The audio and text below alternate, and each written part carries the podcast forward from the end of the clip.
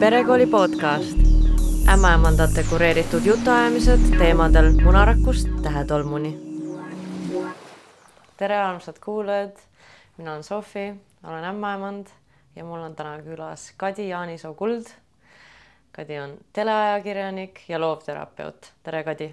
tervist, Sofi, tore on olla siin sinu juures. ja nii tore, et sa said tulla minu kiire kutse peale ja küsikski sult kohe esimese asjana sinu teletöö kohta, mis on kindlasti sinu elu väga palju mõjutanud. et milline on olnud sinu teleteekond ja kus sa oled käinud, jõudnud, kus sa edasi lähed ja mis sa praegu teed? Tore mõelda tagasi. Ehm, ma hakkan otsast pihta ja siis vaatan, kuhu jõuan. muidugi väga hea kõigepealt juhtus nõnda, et äh, minu üks äh, sõbranna saatis mulle sada aastat tagasi tinglikult mm, öeldes äh, ühe meili, siis ei olnud Messengeri ega midagi sellist, et kuule, vaata, et siin otsitakse reporterit ja see oli TV3 uudised. ja mina siis mõtlesin, no päris huvitav mm. -hmm. et kui ma väike olin, siis mulle meeldis niimoodi diktofoniga mängida, et ma mängisin näiteks, et ma olen äh, Boriss Jeltsin kes mäletab sellist inimest ja, ja siis ma intervjueerisin teda enda meelest ja nii edasi. et, et niisugused naljakad mängud ja siis see tundus kuidagi mulle tuli meelde, issakene, aga see on ju midagi, mis äh, mind kuidagi puudutab, et see televisioon ja, ja raadio võib-olla ja mis aasta see oli? ei tea, Sofi, minul on need aastad, ära küsi mult mingeid numbreid need ei ole minu teema, aga see oli, no see oli ikka viisteist aastat kindlasti tagasi. jah. ja siis äh, ma siis läksin sinna TV3 uudistesse. ja siis ma mäletan, et äh, siis oli Märt Treier oli toonane äh, peatoimetaja ja siis mulle anti ülesanne, et no tore, et tulid äh, tüdruk, et no mis me siis teeme, no võta siit operaator ja, ja mine tee siis üks lugu, no näiteks maasikatest. see niisugune aeg aastas. suvi? suvel lõpp, millal need maasikad on? ikka pigem niisugune juuni lõpp, juuli. okei okay,, suvel jah mm, -hmm, igal juhul suvi.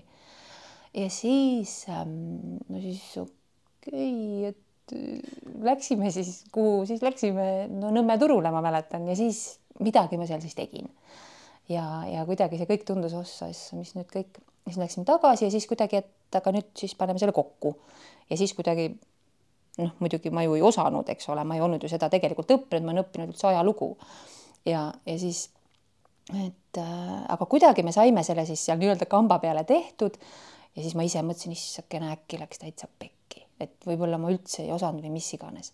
ja siis äh, õhtu lõpp tuli ja siis äh, Märt Reier ütles mulle, et kuule, kui sa saad ära, ära mine enam, et äh, tule homme jälle no ja siis kuidagi ma jäingi sinna käima ja, ja, ja mulle väga meeldis, hästi suur kool oli see, põnev, kõik oli uus, kõik oli selline nagu pea ees, noh, vette täiesti.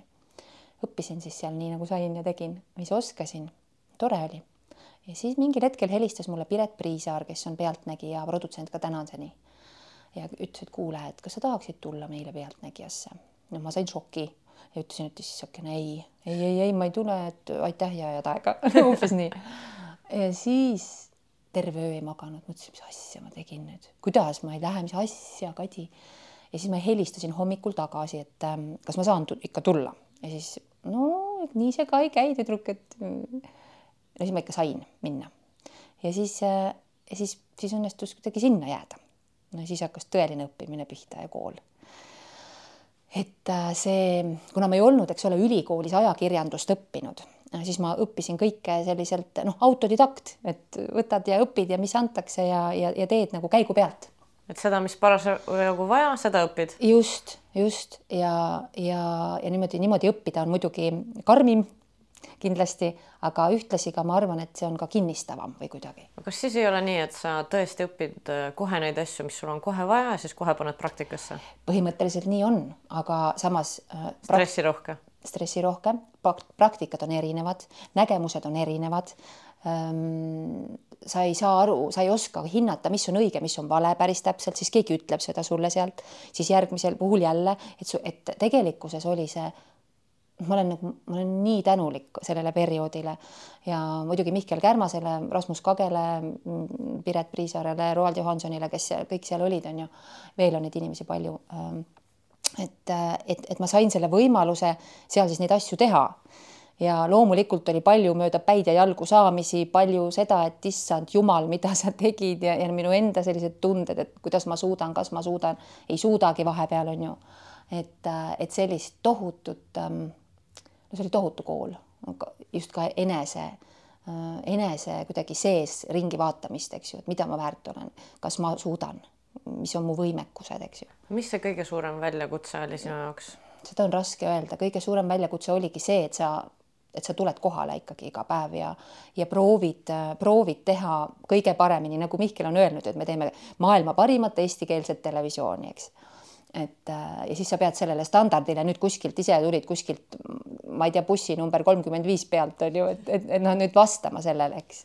et, et see oli, see oli ühtepidi karm aeg ja see oli teistpidi äh, tohutu tänu ja, ja õppimise võimalus mm. -hmm no ja siis tulid kuidagi sealt riburada pidi sellised muud saated ka, ma ei tea, kas ma hakkan neid kõiki üles lugema või kuidas sa mm, nagu soovid? sa võid, sa võid võib-olla jah rääkida mõnest, mis mm., mis sinu jaoks kõige rohkem. näiteks üks tore saade, mis oli, äh, mis oli siis selle nimi on Mina elan siin, mis tuli siis kuidagi peale seda kuskil seal hetkel on ju Äh, peale Pealtnägijaga alustamist, kui ma veel Pealtnägijas olin, et siis äh, see oli selline saade, mis äh, reisis üle Eesti. Ringi niimoodi maakohtades, väikelinnades.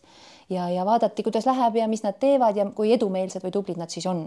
ja seda oli teha nii tore, et ma mäletan, kuidas ma nagu nautisin seda, et see oli selline fun, et kui sa Pealtnägijas, mm, ärge saage must valesti aru, Pealtnägija on megasaade, see on, see on selge, ma armastan seda saadet ise. Äh, aga nad on erinevad, eks, et ühes sul on probleem, sa keskendud, sa oled hästi konkreetne.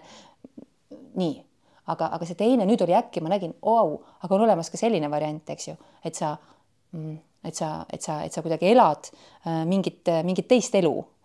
ja, ja seda oli nii vägev teha ja seda oli lõbus teha ja, ja ja siis ma mäletan sellist hetke, mis mul, ma olen mitu korda mõelnud, et vau, et see oli nii lahe et kuidagi pealt seal, vabandust, Eesti Televisiooni koridorides kõndides tuli mulle vastu Eve Viilup äh, ühel hetkel ja, ja siis ja kuidagi ütles, et kuule, et tead, et see Mina elan siin saade, et, äh, et see sobib sulle väga hästi, et see on nii lahe, kuidas sa seda teed ja, ja kuidagi ma mäletan ta sõnu, et et ja ma olen neid meenutanud muide hiljem, kui mul on raske on olnud mingisuguste projektide puhul, et või eneseusk kuidagi on kahanenud et, et kuule, et jätka samamoodi küsimist, et küsi ikka samamoodi nagu, nagu laps sellise õhina ja huviga, et, et see on mingi väärtus omaette. Ja siis ma olen proovinud seda endale meelde tuletada, eriti just sellistel keerulisematel hetkedel võib-olla, jah aga kas selles saates te otsisite välja inimesi või need inimesed jõudsid saatesse ise, kuidas see käis? seal ma olin, äh, seal ma olin põhiliselt ikkagi saatejuht, et, äh, et seal ma ise neid inimesi välja ei otsinud, et siis oli Alar Müürisepp ja Piret Müürisepp, äh, Alpi film, selline, selline siis nagu ma ei teagi, firma on ju. produktsioonifirma jah, et, et nemad seda, seda asja ajasid. et äh, aga jaa, et äh, et see oli selline, selline uut laadi kogemus. no siis tulid, siis tulid mingid sellised muud saatekesed siis otsa, eks ju, mingi hetk, siis ma sain lapsed ja, ja nii edasi, edasi, tagasi, edasi, tagasi, et, et äh, jah. siis vahepeal puhkasid telest? No siis ma puhkasin telest selles mõttes, et kui lapsed on puhkus, siis jah. jah, just see, see ongi see koht, et see on üks paradoks, et vanemapuhkus või et see kõik on. Ja minul oli see vanem aeg, et ma väga ootasin ju lapsi, mul on aasta kaheksa kuud on vahet, äh, kaks poissi, äh, kaksteist ja kümme tänaseks. Ja siis, äh, ja siis ma tegelikult, ma mäletan, kuidas ma näiteks ma ei mäleta teist rasedust. Ma põhimõtteliselt ei mäleta, mul on üks pilt mul vanaema sünnipäevast, kus ma teadsin, et ma olen rase.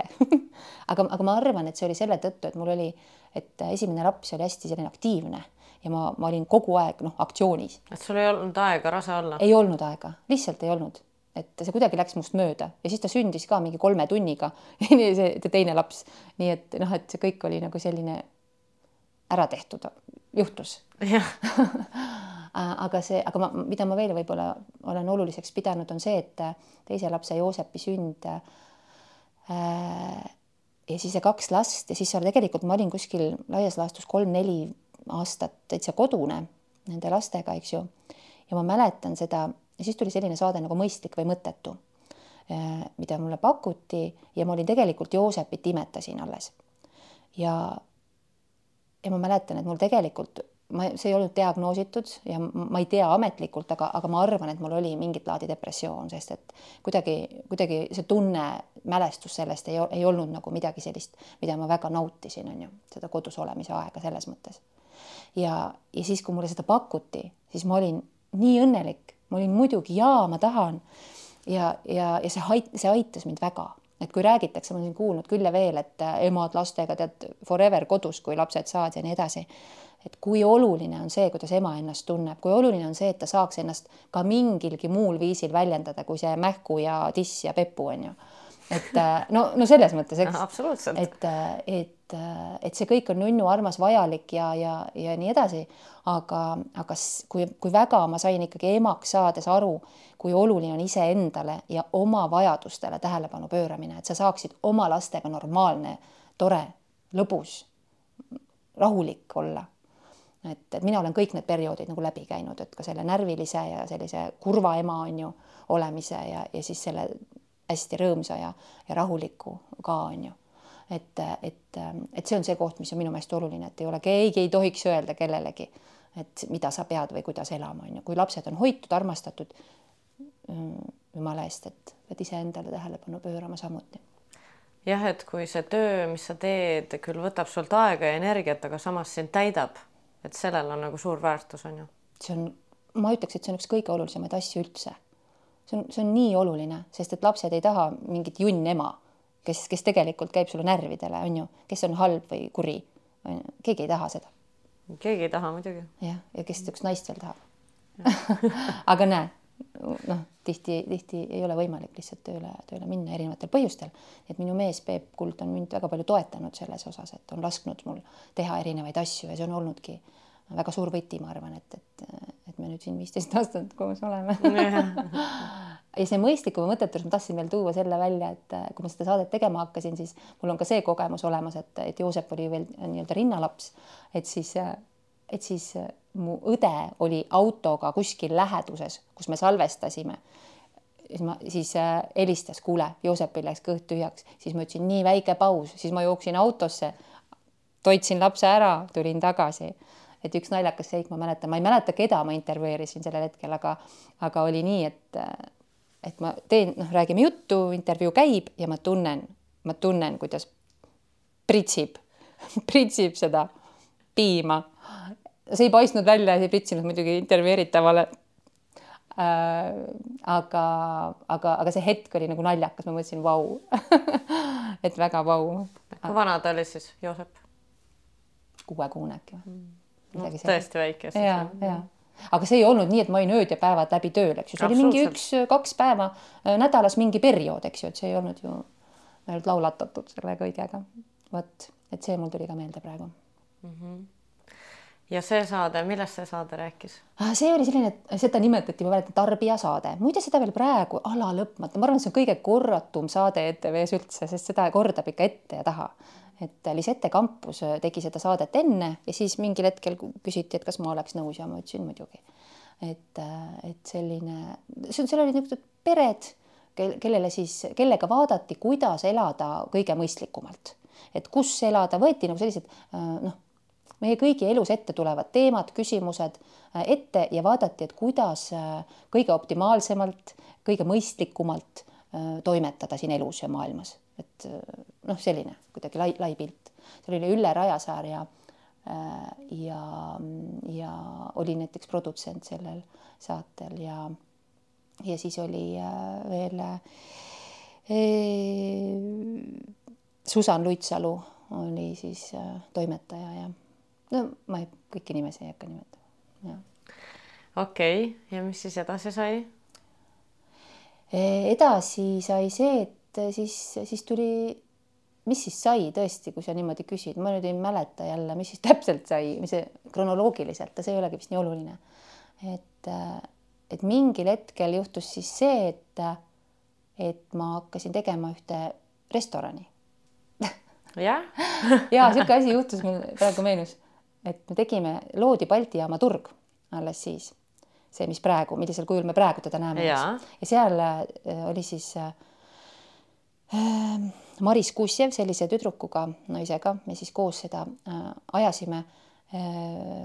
Kniks ja kraaps pererestoran oli selle nimi. õigus, seal üleval korrusel. just nimelt, et praegu see, see on selle Humalakoja kõrval on ju. ja, ja sinna me selle tegime suure, tead, võitlesime ennast sinna välja, on ju, ja selline esmakordne kogemus oli küll, mina olen töötanud palju, üsna palju tegelikult kohvikutes, kus me Sofi sinugagi oleme tegelikult ju kunagi tuttavaks tõesti, sada viiskümmend aastat tagasi. täpselt ja et selline nagu ütleme, teenindajana teenindussektoris töötamine oli mulle tuttav. ja kõik oli tegelikult lahe me tegime ju sellise mängunurga, mis oli nii tore, läbi kahe korruse, kõik Lego seinad, mänguasjad olid sellised, mis meeldiks, noh, mis ei ole sellised, tead, viled ja tuled on ju, et kõik nagu arendas ja kõik oli nunnu ja söök oli küll oli a la carte ja oli bufee ja oli too ja kolmas ja kõik proovisime läbi, imetamistuba, väikeste laste tualett, et noh, mõtlesime ikka läbi, see oli ikka korralik investeering. ja ma käisin seal ka sõbranna ja tema lastega. no vot ja ma senimaani, mis on naljakas ja see oli ju, ma ei tea, mingi kuus aastat tagasi või viis või no mis asi see oli, ma ei mäletagi. no umbes nii jah. jah, et siis äh, ja senimaani kujuta ette, tänaval võib tulla mingi inimene, ütleb, et teate, mina mäletan seda restorani ja mul on kahju, et seda ei ole, et ei olnud lastega enam kuhugi minna või, või kõik oli tore. miks te kinni panite? me läksime pankrotti, me ei osanud teha seda, reaalselt äh, fakt on see, me ei osanud inimeste käest raha kätte saada et me tegime sellised reitingud viied, toits, toit maitsev, kõik tahtsid, noh, kõik ütlesid hästi, kõik näiliselt toimis, aga siis, kui sa oled ettevõtja, sa pead, sa sõltud sellest igast rahast, mis keegi sinna jätab. Ja kui tuleb üks ema, mis on nunnu oma lapsega ja ta veedab kolm tundi, sest seal on nii mõnna, sokkide sahinal käid ringi ja võtad ühe latekese ja lapsele ühe mingisuguse pudrukese ja siis sa oled seal kolm-neli tundi. meie saame ainult pai ja viis punkti on ju reitingusse. aga raha maksta meil ei ole ju töötajatele, et me ei osanud teha, tekitada seda olukorda, kus inimene jätaks meile rohkem raha. ja arusaadav. jah, vot ja siis see juhtus ära ja siis tuli maahommik. ma mäletan, et siis mul, minule pakuti maahommiku saate tegemist. ja siis ma olin väga nõus, sest see on tore saade. ja, ja, ja siis ma tegin seda ja see oli väga mõnna et üks, üks, üks mõnusamaid äh, jällegi selliseid äh, saateformaate, äh, mis mulle väga meeldib. ja seal sa olid saatejuht? saatejuht, toimetaja mm. -hmm. ja et ja see kõik asjad, millest ma räägin, on alati nagu meeskonnatöö, et televisiooni niimoodi üksi ei tehta, et, et oi, et sa olid see või sa olid too, on ju, et seal taga on alati tiim, meeskond, naiskond. et aga lihtsalt noh, ma ei tea kokku, aja kokkuhoiu mõttes ei hakka kõiki inimesi üles lugema, aga ma võiksin seda teha. jah. ja siis äh, tuligi see sinu loodud saade Selge pilt või noh, sinu ja ka meeskond taga, eks ole. ja, ja meeskonnaga koos ja jah, et äh, oli vist jah, nüüd tuli siis see. Või oli veel või midagi? oli midagi? veel, üldse ma see kronoloogias olen ma nagu sa no tead juba äh, kehva, aga ja et äh,, et no, kuskil ta siis tuli, et, et tuli selline iseendast äh, lähtuv selline tunnetuslik vajadus, et et, et kuule, et nendest vaimse tervise teemadest, see oli siis kuskil, ma arvan, kuskil neli aastat tagasi, kui ma nagu mõtlema hakkasin sellele. Mm,, ei räägitud veel. Hääri-veeri kuskil keegi midagi. Siis ma tundsin, et, et see, et see ei ole piisav. et, et kuskilt peab nüüd alustama. ja siis äh, selle jutuga saime kokku Egle Peegiga, kes siis sai produtsendiks sellel saatesarjal. ja, ja siis äh,, siis läksime rääkima äh, Eesti Televisiooni Peep Kalaga näiteks konkreetselt, et ja, ja ja saime siis, äh, et olgu, tehke mm. -hmm. Ja, ja rahastused nendel saadetel on tegelikult olnud ka, et Sotsiaalministeerium ja Tervisekassa ja, ja Sotsiaalkindlustusamet ja et erinevad sellised riiklikud asutused on tegelikult rahastanud seda saatesarja, mis on ka nagu tore, et see, et see on oluline.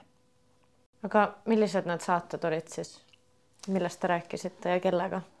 no selge pildi saateid ma pean võib-olla kõige rohkem ütleme no oma lasteks, et äh, kolm hooaega, kolm saade, saatesarja meil on olnud ja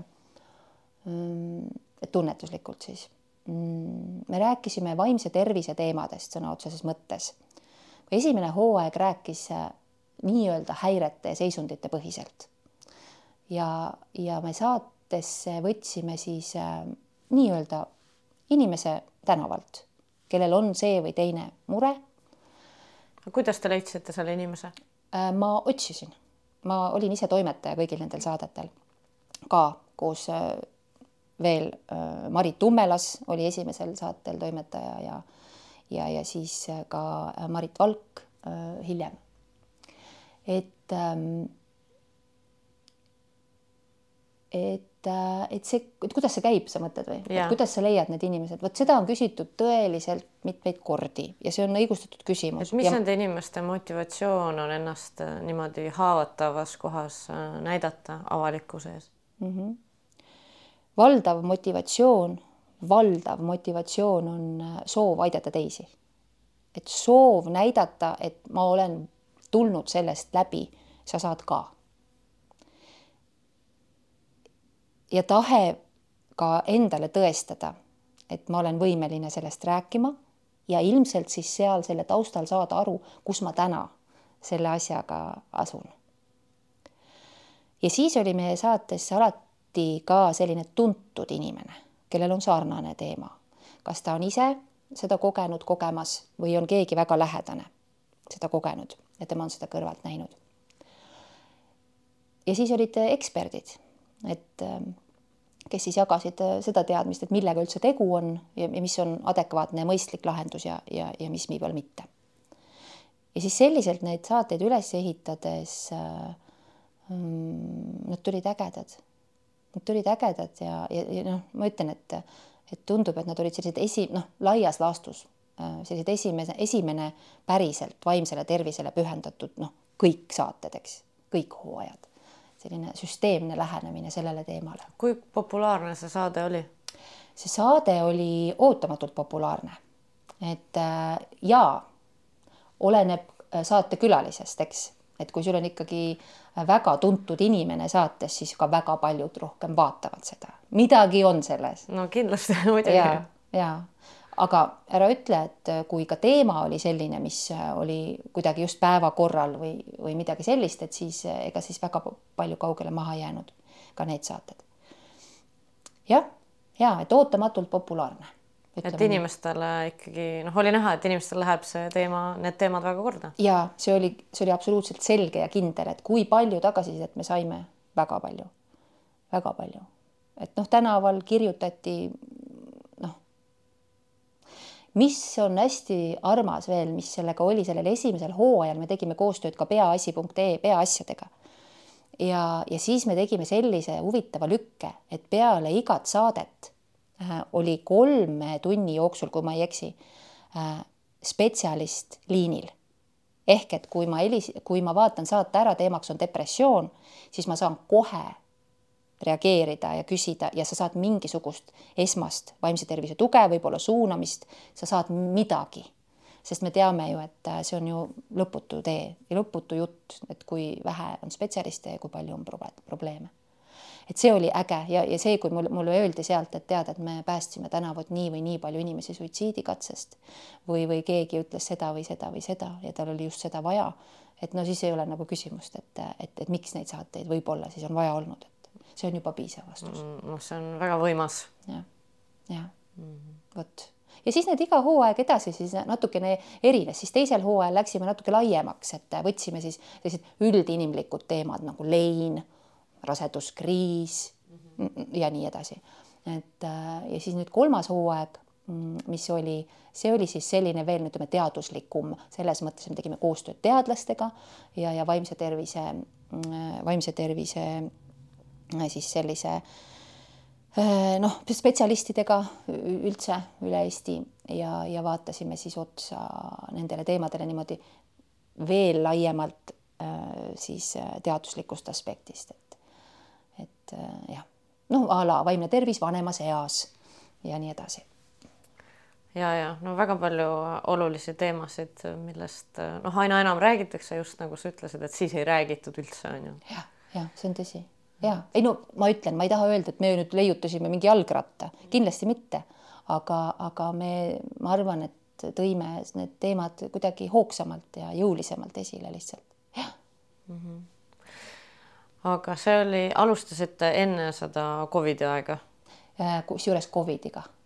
see ja. esimene oligi põhimõtteliselt me, see oli see Covidi aeg, äh, kui ma hakkasin seda toimetama Äh, ja, ja, ja siis sealt edasi tegime sellel ajal, jah, tegime sellel ajal ka.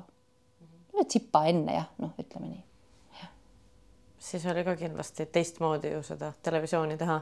Ja see oli teistmoodi, me tegime, siis ma tegin veel mõningaid saateid äh, sinna vahele, et oli kool minu kodus, mis rääkis ka sellest just, et koroona ajal, et noh, sa õpid kodus, eks ju, et mis need plussid, mis need miinused, et kuidas keegi millega hakkama saab või ei saa ja mida meil oleks siis juurde vaja, mida me õpime siit või sealt, et, et selline saatesarjake tuli näiteks näiteks vahepeal ja, ja siis nüüd siin hiljem vahepeal oli ka selline saatesarjake nagu Kriiside keerises, mis siis rääkis sellest, äh, ütleme sellest sõjateemast, eks ju, et äh, noh, sellised päevakajalised natukene siis äh, sarjakesed ka mul siin tulid vahele meeskonnaga, aga sealt vaimset tervist lupsavad ikka pidevalt siit ja sealt sisse, et ma arvan, et juba sealt pealtnägija ajast, et sellist sotsiaalne rakurss hästi selgelt minu puhul vähemalt ja siis äh, läksidki, enne mainisid, et sul aja, ajalugu õppisid, sul oli siis ajaloo baka.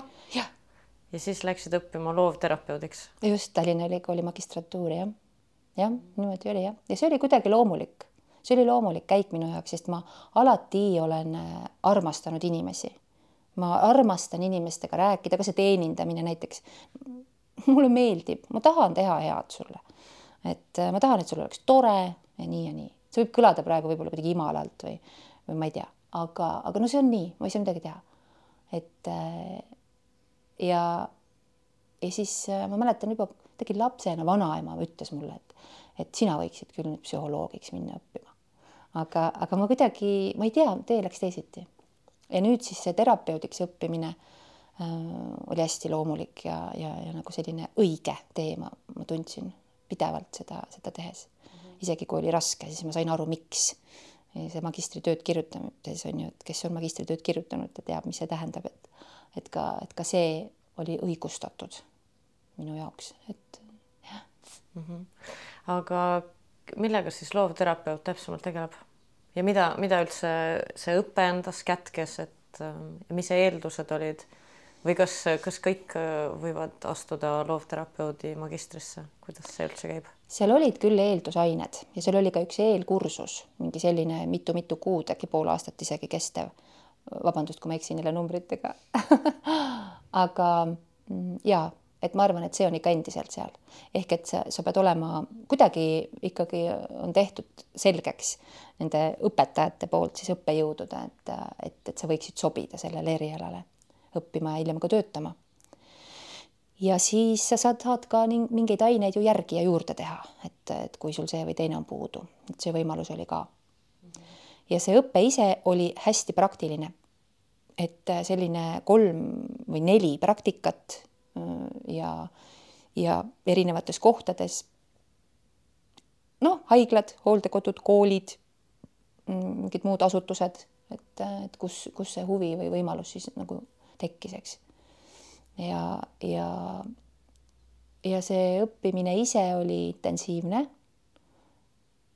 ja väga äge, et, et ma tundsin selle õpet läbi tehes pidevalt, kuidas ma arenen, kuidas ma saan lõpuks aru, miks ma selline olen või miks tema selline on või mis asi see siin toimub meiega, et nagu kogu aeg nii põnk-põnk-põnk avanesid mingisugused, mingisugused äh, silmad. Tohutult silmi avanes. Et äh, ja ma olen nii õnnelik, et ma sain seda õppida. aga kus sa käisid praktikal näiteks? Äh, ma käisin praktikal Tallinna Vaimse Tervise Keskuse Haabersti klubimajas, selline pikk nimetus, aga see on selline Baltikumis ainus. Äh, maailmas on neid üle kolmesaja ja see on selline keskus, kus käivad siis koos raske psüühikahäirega täiskasvanud.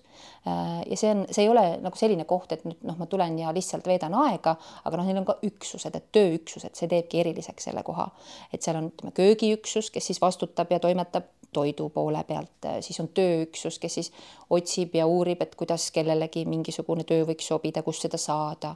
koristusüksuses keegi, kes hoiab korda, eks ju. Äh, neid on veel ja siis inimesed äh, tulevad, äh, veedavad seal aega, eeldatavasti siis asjalikult ja samas sotsialiseerudes.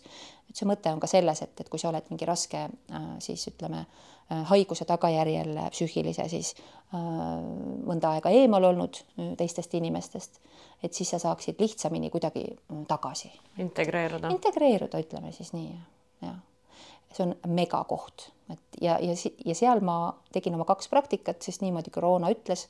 esimese tegin seal ja teine, teine juba siis oli see, et ei saanudki ühte kohta, kuhu ma mujale tahtsin proovida ka.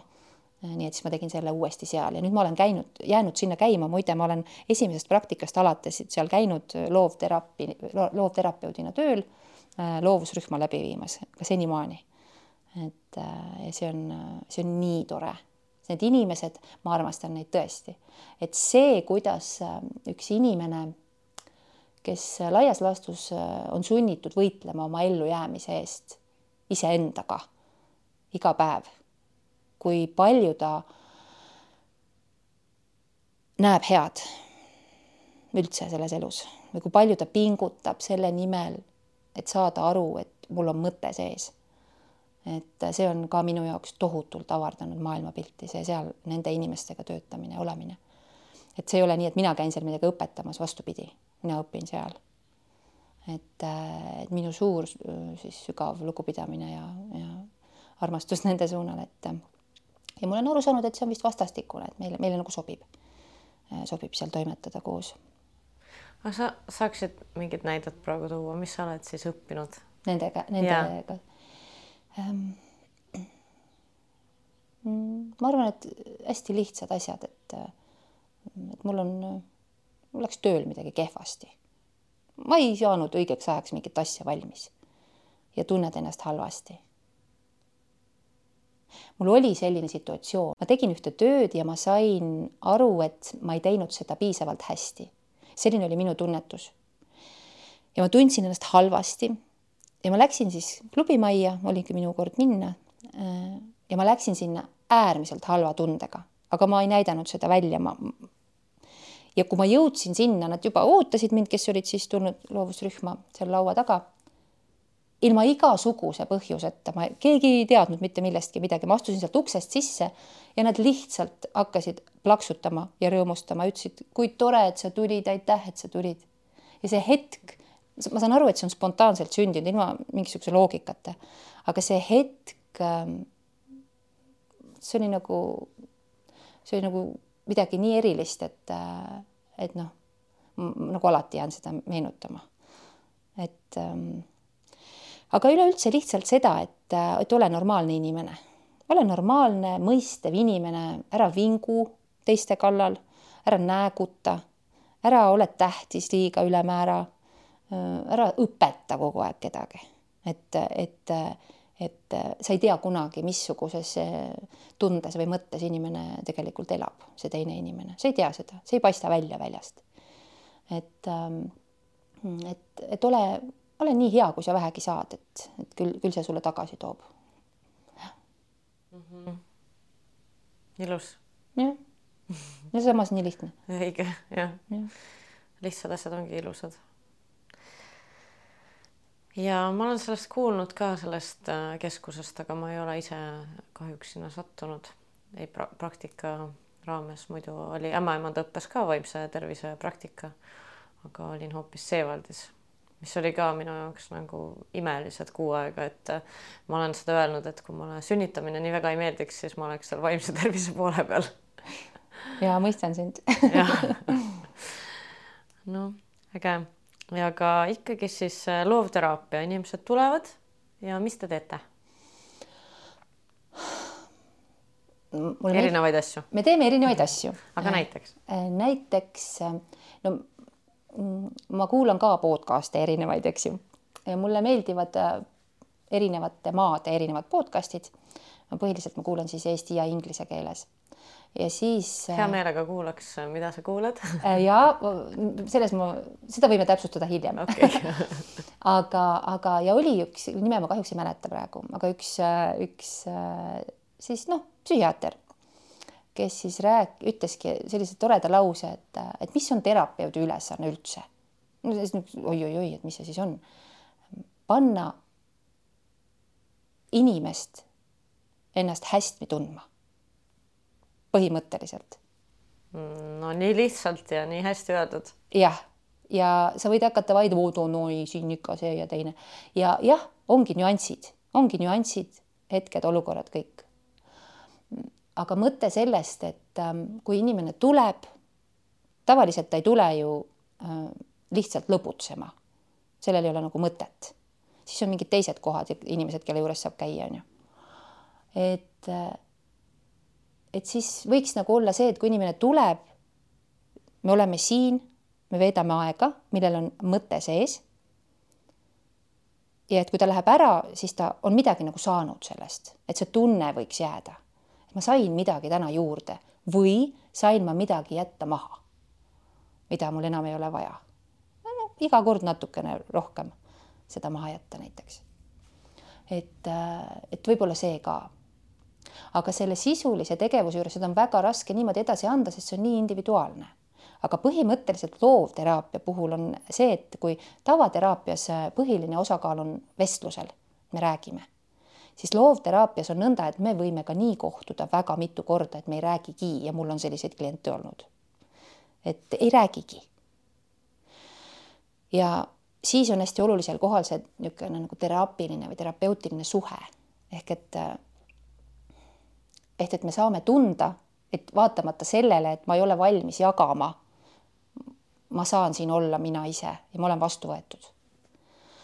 et kui seda suudaks juba tekitada, no siis on juba päris hästi algus tehtud.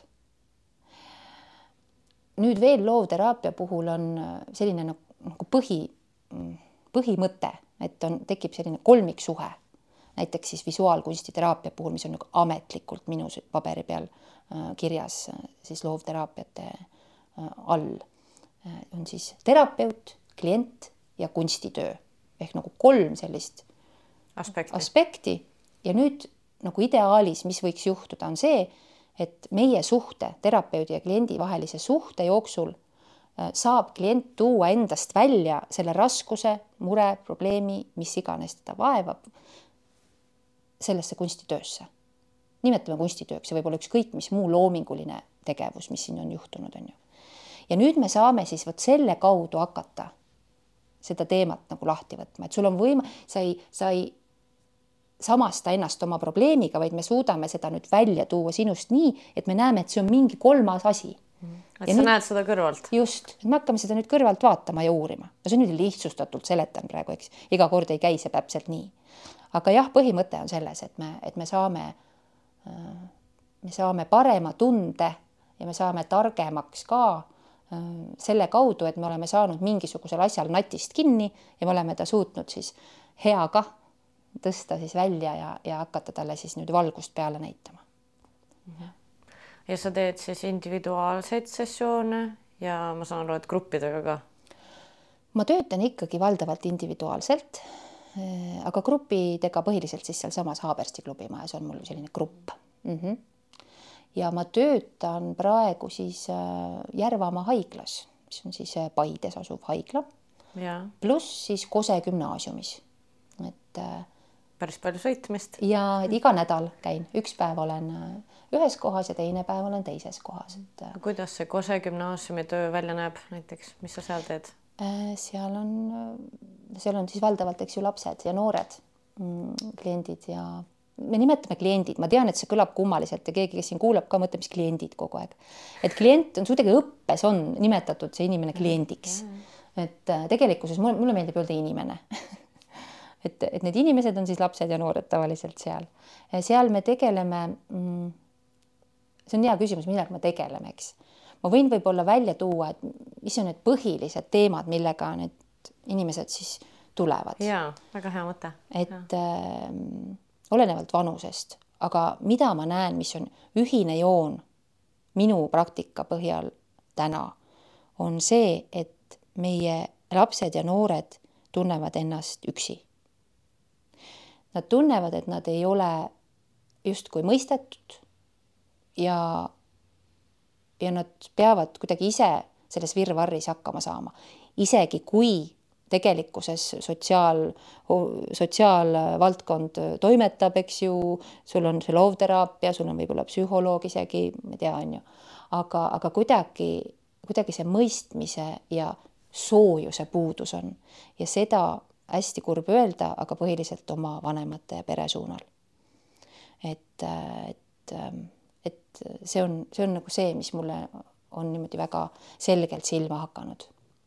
et kui lapse ja noorega äh, toimetada, et siis, siis väga tihti on tarvis vaadata ka, et kuidas, kuidas võib-olla kodus inimesed, inimesed, teised inimesed hakkama saavad. aga kas mingi sellis-, mingeid selliseid põhjuseid ka oled kaardistanud, et millest see tuleb, et kas näiteks on rohkem üksiklapsed tunnevad üksindust või just need, kellel on palju õdesid-vendi, mingeid selliseid seoseid või mis seoseid, mu küsimus on võib-olla see, et milliseid seoseid saab luua selle üksindustunde ja selle noore keskkonna vahel, kust ta tuleb mm.? See võib-olla ei olegi määrav, et kui palju seal veel või kas on lapsi. jah, reeglina on neid lapsi rohkem kui üks, mulle tundub. pigem on see see just nimelt see, et vanemad proovivad ise kuidagi ellu jääda ja hakkama saada oma asjadega. ja kuna meil veel ei ole seda oskust ja võimalust ju me näeme ka äh, abi igal hetkel otsida või isegi seda teadmist, et ma võin obi otsida. Äh, et siis, siis see pusserdamine ise äh, tihti ei vii nagu alati sirgjooneliselt äh, selle lahenduseni, mis ka teraapias ei pruugi juhtuda, aga vähemalt saab, saab tegeleda selle teemaga. Mhm. et see justkui siis on vanemate poolt kogetud depressioon, ärevus ja võib-olla ka üksindus kandub siis noortele edasi, midagi sellist? jah, midagi sellist ja ma ei ütle, et see on kõigi puhul Muidugi, nii, keda mina aru. tean, aga ma ütlen nii mõnigi laps või noor, kes minu juurde on jõudnud, ükskõik kus ta siis elab või kus kohas ma seda teraapiat just teen, eh, siis see on selline üks läbivaid jooni ja see on tõsi. ja mida ma veel näen hästi palju, hästi palju ma näen aktiivsuse tähelepanuhäiret. Noh, et on diagnoos pandud lapsele, noorele, ka täiskasvanule. ja neid on väga palju, et ma isegi ütleks, et see on nagu pandeemia et. Äh, aga kust see tuleb või kas äh, seda ei ole siis eelnevalt diagnoositud? või siis on ikkagi seda rohkem nüüd sinu meelest? mina ei ole õige vastama. Okay. aga ma võin öelda niimoodi, et mis, mis mina olen näinud või mis ma olen mõelnud. et kindlasti on targemaid, aga mm, ma arvan, et seda on rohkem. esiteks selle tõttu, et see kuidas me toimetame ja mismoodi need moodsad elektroonilised vahendid äh, meie aju stimuleerivad, mida nad meile pakuvad selle dopamiini näol ja kui vähe suudab sellele vastu hakata see tavaline, tavaline õues sellise ilmaga, nagu meil täna on, millegi tegemine, äh, siis on täiesti arusaadav, et sa valid selle seadme ja oled seal siis äh, neli, viis, kuus, kümme, kaksteist, neliteist tundi. et et, et see on nagu üks nendest põhjustest. et, et see ülestimulatsioon, et tohutult on võimalusi äh, kuskilt mujalt saada midagi ägedamat, kui et see päris elu tegelikult on. Jah, ja, ja teine asi ja, et seda diagnoosimist lõpuks on ju see, me ei pea diagnoosima lõputult. diagnoosi öeldakse, on sul vaja umbes ühe korra, siis kui arst selle paneb, et ta teaks, missugust ravi siis alustada rohkem tegelikult inimene ju ideaalis ei peaks ennast diagnoosiga üldse samastama. et ma olen see või ma olen too, ei ole, et sina oled see inimene lihtsalt. Äh, aga, aga jaa, et noh, ütleme laste puhul on seda ju rohkem, alles ju nimetati seda ATH-d laste haiguseks, eks. Aga täna täiskasvanute puhul diagnoosimata ATH-d on nii palju ja mida ma siis näen, kes on siis saanud mingil hetkel selle diagnoosi, siis on ta saanud äh, rohu ja ta tunneb ennast nagu palju paremini Äh, aga noh, ütleme alati on nii, et rohi ise ei, ei ole see, mis muutuseni viib, et ta lihtsalt leevendab ja aitab sul kuidagi toimida, aga, aga ütleme, teraapia ja selle teemaga sisuline töö on hoopis see, millega siis tuleb, tuleb peale hakata. Ja eh, mina olen ka siin viimati teraapias käinud ja mind ka kõnetas see minu terapeudi lause, et jah, et rohud aitavad inimesi viia ennast sellele tasemele, et sa saaksid paremini tegeleda nende asjadega. just, just, et sul on jah. noh, see ei pruugi iga inimese jaoks olla vajalik, aga et noh, seesama, mis sa ütlesid enne mm. -hmm. muidugi, see, see ongi nii, sest inimene on inimene, on ju, et, et miks peab siis sildistama, ei pea. jah, vot ja mõtlen, mis veel. Ja veel, mis ma tahaksin võib-olla välja tuua, mida mina olen oma töös näinud, et kui tublisti proovivad ikkagi äh, ütleme siis äh, rehabilitatsiooniosakond või, või need inimesed, kes siis inimeste äh, vaimse tervise ja ka muude sotsiaalsete teemadega tegelevad oma tööks. kui, kui tublisti ja kui väga need, kellega mina olen kokku puutunud, seda tööd teevad, kui südamega, kui, kui, kui väga ma näen, kui oluline see on et kui saaks selle ühe inimese kuidagigi nüüd natukene käima, vaat siis me saame selle teise ette võtta. et, et, et ma tahaks öelda, et see, kui palju sõltub, mulle tundub sellest, kes selles vallas, linnas, külas äh, siis, siis nende hoobade juures nii-öelda on, et, et kes, kes saab rohkem neid võimalusi pakkuda ja neid ideid välja käia ja et kus kohas see süda siis sellel inimesel või neil inimestel asub. Et, et see selline ligimese, ligimesest hoolimine et, et see tundub elementaarne, et üldse mingi muutus saaks inimestes toimuma hakata. et kui sa üksi pilla-palla toimetad oma üks, ühe või teise teemaga, on ju, et noh, raske, palju raskem, kui et nüüd proovime kuidagi kamba kokku panna, vaatame, mis me, mis me nüüd siis saame teha, eks. Ja siis ma veel Sofi siia otsa räägiksin, et õpitud abitus on ka asi, millega on väga palju tegemist. et nii lastel, noortel, täiskasvanutel, et, et kuidagi, et kuidagi, et aga ma ju noh et, et see ei ole ikkagi piisav, mis ma olen saanud või, või, või miks te, miks te rohkem mulle ei anna või et ja ma saan aru, et teatud tingimustel võibki nii olla tegelikult, et inimene ei ole saanud piisavalt seda, milleks ta äh, on tulnud kuhugi mm,. aga ma räägin siis teenustest, eks ju, et kui rehabilitatsiooniprogrammis näiteks on määratud midagi mm,. et siis see noh, natuke nagu see, et et, et, et ma tahan saada kõike Äh, aga ise võimalikult vähe midagi vastu tehes või andes, võib-olla isegi mitte piisavalt pingutades oma parema tuleviku nimel, et seda kahjuks tuleb ka ette. kust see tuleb ja, ja mis see üldse on, et kuidas inimesed jõuavad selleni? Raske öelda, ma arvan, et ühe asjana see on muidugi, meie ühiskond areneb selles suunas, no see tundub nagu niisugune loll vanamuti jutt, kui ma endast kuulan praegu, aga põhimõtteliselt, et et et mulle tundub, et, et kuidagi, et, et adutakse seda, et me ei ela päris metsas. ja siin päris hundiseadused nagu ka ei kehti, et sul on nagu mingid muud võimalused ka täna toimida. ja siis no kes ikka tahab mingit väga suurt pingutust teha millegi nimel, ikka on mugavam, kui keegi sulle selle kandikul toob või kuidagi, kuidagi noh, sind nagu nagu rohkem pakub. Et äh, ja see ongi ju kuidagi tundub inimlik.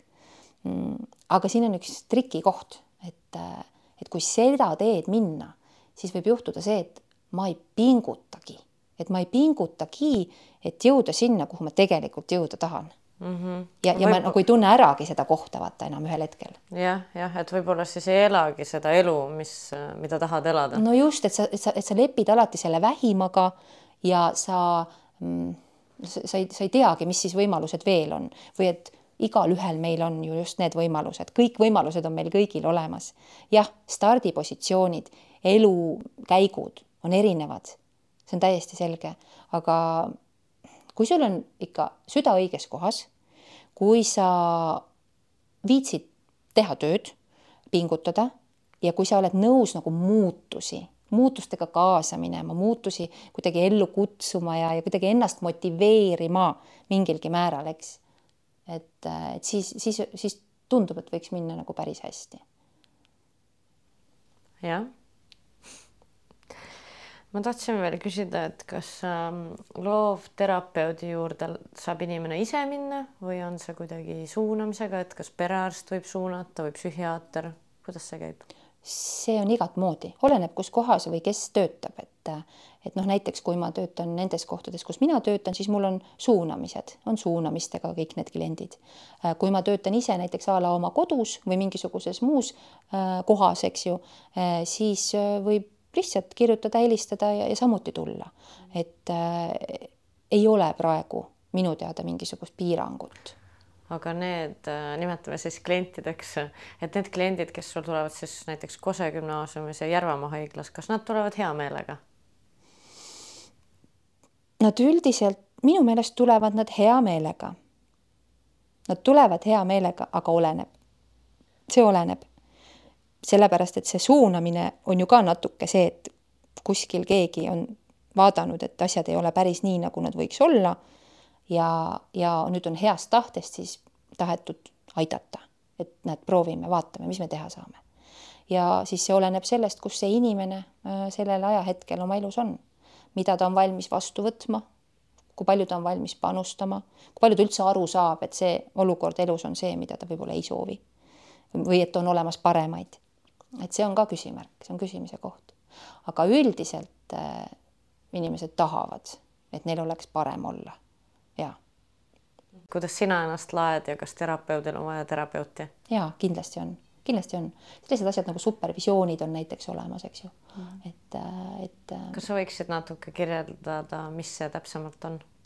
Äh, ma võiksin seda kirjeldada küll, aga ma ise ei ole veel ühtegi supervisiooni peale õppeprotsessil kogetu, kogetu läinud. aga see on vajalik, ma tunnen mm see supervisioon lihtsustatult tähendab seda, et sul on võimalik Äh, inimestega või inimesega, kes mõistab seda temaatikat, milles sa töötad, äh, jagada neid teemasid, mis sulle korda ja hinge on läinud ja kuidagi saada siis peegeldust sellele või tagasisidet nii-öelda mingis mõttes, no peegeldus on õigem sõna, et, äh, et mis see olukord on, kuidas sa selle läbi oled nagu võtnud ja, ja kuidas siis edasi liikuda, et see jääks, jääks sind nii-öelda saatma et. Äh, jah, et mingeid keerukamaid juhtumeid äh, lahata siis kõrvaliste isikutega, kes seda teemat siis äh, valdavad. just jah, niimoodi. jah, et see, see on see, see pool mm. -hmm. aga on teil võimalus, näiteks kas oleks võimalus tekitada, kutsuda kokku supervisioon või ma isegi ei tea, kuidas öelda?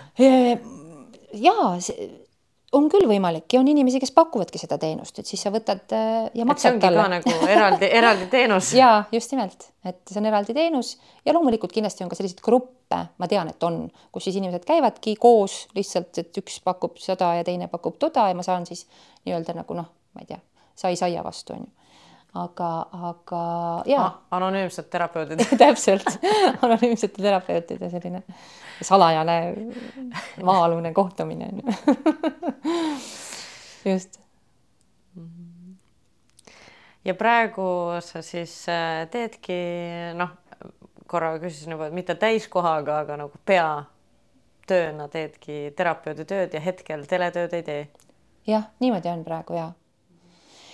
Ja selle teletööga on nii, et see on selline asi, mis on noh, see on ka armastus nagu selle vastu minul, et ma tunnen, et see on nii suur osa minust, et et ma ei soovi sellest otseselt üldse ju loobuda.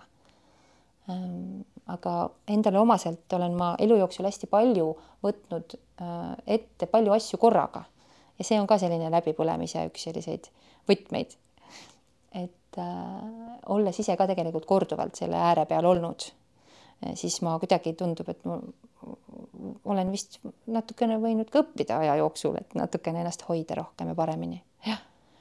et, et siis keskendun praegu sellele teraapiatööle, et saada seal aru, kuidas ja mis täpselt kõige paremini toimub ja toimib ja, ja mis mulle sobib ja, ja kellele mina sobin ja et siis, äh, siis kuidagi seda maailma nagu rohkem sisse lasta ja siis, kui tuleb selline tunne, et vot nüüd enam ei püsi sees see mingisugune idee, mida tuleks võib-olla jagada ka teistega, et siis ma tahaksin küll pöörduda jälle kuhugi, et, et sellest mingisugune vajalik ja kuidagi puudutav võib-olla saade teha, miks mitte.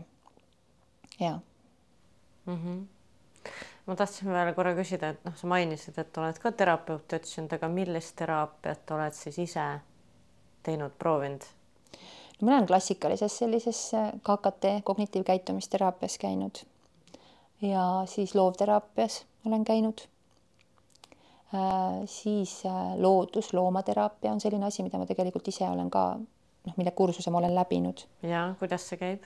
no see, see on Kristi Raava Aegviidus, siis Loodusloomateraapia Keskus on olemas ja tema siis seda teemat niimoodi jõudsasti Eestis ajab. et see on niimoodi, et see teraapia toimub reeglina loomadega looduses kuidagi niimoodi, et ta ei ole ka selline konventsionaalne klassikaline istume ja räägime ainult. et meil on siin mõni kana võib-olla süles samal ajal või, või, või, või oleme me õues ja kuskil äh, puude vahel äh, tunnetame seda olukorda, on ju. et see on selline noh, rohkem meeli on töös, ütleme niimoodi. jah, nagu ka selle loovteraapia puhul, eks ju, et, et rohkem meeli saab olla töös no Eestis mitte, aga nagu USA-s on näiteks need joogatunnid kitsedega. just ka väga mõnus ju, kellele meeldib, eks. aga mõnel võib-olla on just vaja seda šokiteraapiat, et mingist, mingist sellisest olukorrast välja tulla. et ja kaks erinevat spektrit on ju, et, et mõne jaoks võib-olla hästi nagu mõnus seal sellises laudas joogat teha ja teise jaoks ongi see, see šokk see, mis äh, töötab. jah, paneb liikuma midagi. jah. jah. No tore, kas on midagi veel, mis sa tahaksid jagada veel, mis on meelel ah,. mul on veel üks küsimus, et äh, sa teed ka koolitusi või oled teinud? ma ütleme ja niimoodi, et koolitusi mulle meeldib teha ja ma olen neid teinud erinevates valdkondades, eks ju, aga nüüd see vaimse tervise koolitused on selline uus asi minu jaoks, et mille, mille ma olen siis niimoodi välja mõelnud ja väga palju ma neid veel teha ei ole jõudnud, et kuidagi mahv läheb sellele igapäevasele tööle. no arusaadav. aga muidu, kellele siis need on mõeldud? no üldiselt võib-olla sellised mingid grupid, äh, kas mõni töökollektiiv, kas mõni ja. sõpruskond, eks, et äh, ja, ja, ja kuidagi ütleme seda teadlikkust ja teadmist võib-olla nagu jagada. et äh, minule meeldib asju teha niimoodi, et mitte loengu vormis, et siis, siis need minu koolitused on on, on need, kus saab inimene kuidagi kaasa teha ja kaasa toimetada ja kaasa mõelda siis selle käigus. ja muidugi noh, infot tuleb ka.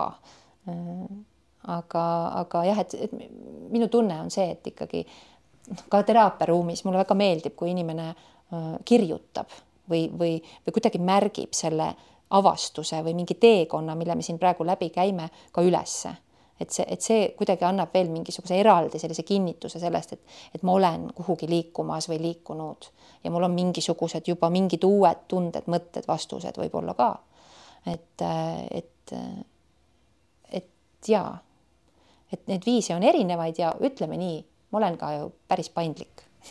Et, et kui oleneb olukorrast ja inimesest, et, et niimoodi me saame teha, kuidas kellelegi meeldib. Aga kas sul on ka mingeid äh, soovitusi, noh, ma ei hakkakski praegu kitsendama seda gruppi, et lapsevanemad või noored, aga üldse inimestele, et kuidas äh, enda vaimset tervist äh, igapäevaselt toetada? Mm? -hmm või mitte igapäevaselt üle päeva või no midagi sellist. no sa mainisid praegu kirjutamist, et kas sa näiteks pead päevikut ise? ei, ma ei pea päevikut, aga ma pean, mida ma pean aeg-ajalt, on sellist joonistamispäevikut või kriitseldamispäevikut. pluss, mida ma aeg-ajalt jällegi pean, on selline, et ma, selline huvitav huvi minu meelest, et ma, kui ma kuskil käin, kas reisil või, või üldse mingil ajaperioodil äh,, ma korjan taimi ja ma kuivatan nad ära ja siis ma märgin, et mis kuupäev, kus kohas ja selle tunde, mis mul siis sellel päeval oli. et see on ka selline tore kuidagi mingisuguste hetkede selline jäädvustamine et, et see on mõnna kuidagi hiljem tagasi vaadata ja mõelda. aga selline soovitus ähm,. no üks asi, mitte midagi ei saa öelda ja teha äh, selle vastu, on see, et inimesed võiksid magada. et see määrab nii palju, missugune on sinu uni, uneaeg, unekvaliteet. et see on väga suuresti paljude asjade alus et sellega võiks tegeleda, kui keegi tunneb, et kuskilt tahaks alata. ja teine asi, ma arvan, et on ka väga lihtne, see on see, et äh, ole iseenda ja teiste jaoks nagu olemas. et kuidagi proovi võtta stopp, pidur, selline seisak korraks päevas, ma ei tea, korra, kaks väga palju võib-olla palutud, aga okei okay,, korra ja, ja mõtle, et, et kus ma olen, mida ma tunnen, kuhu ma lähen, noh näiteks. et siis see ka annab hästi palju tegelikult sellist teadmist sulle endale sinu kohta ja samamoodi võid sa lapse käest küsida, kuule, mis, mis tunne sul praegu on, näiteks. Et ähm, või kaaslase mm,. tunduvad jah, niisugused lihtsad. lihtsad asjad, aga kuule, lihtsad asjad määravad. lihtsad, jube lihtsad asjad määravad tegelikult meie elus kõige valdavamad osad, nii et mina lihtsust ei karda. jah. jah. see on hea, hea, hea point. nii tore, oli väga tore sinuga vestelda ja on ka selliseid kohti, mis äh, mind panid mõtlema ja millega ma väga suhestun ka oma töös. ja ma tahtsin küsida, et kui sa saaksid äh, linna peale panna plakati, mis sa kirjutaksid? ühe plakati või? jaa, hästi suure. ma kirjutaksin sinna plakati peale. oi, kui raske küsimus. esimene mõte tuli, aga ma arvan, et tee endale pai ilus. rohkem ei peagi kogu aeg nii tiibiks minema, et. ma ei ole tiip, jah ma ei usu okei okay,, aitäh sulle, Kadi, et tulid. väga mõnus oli vestelda. Sofi, siin oli ka mõnus olla, aitäh. aitäh sulle. aitäh sulle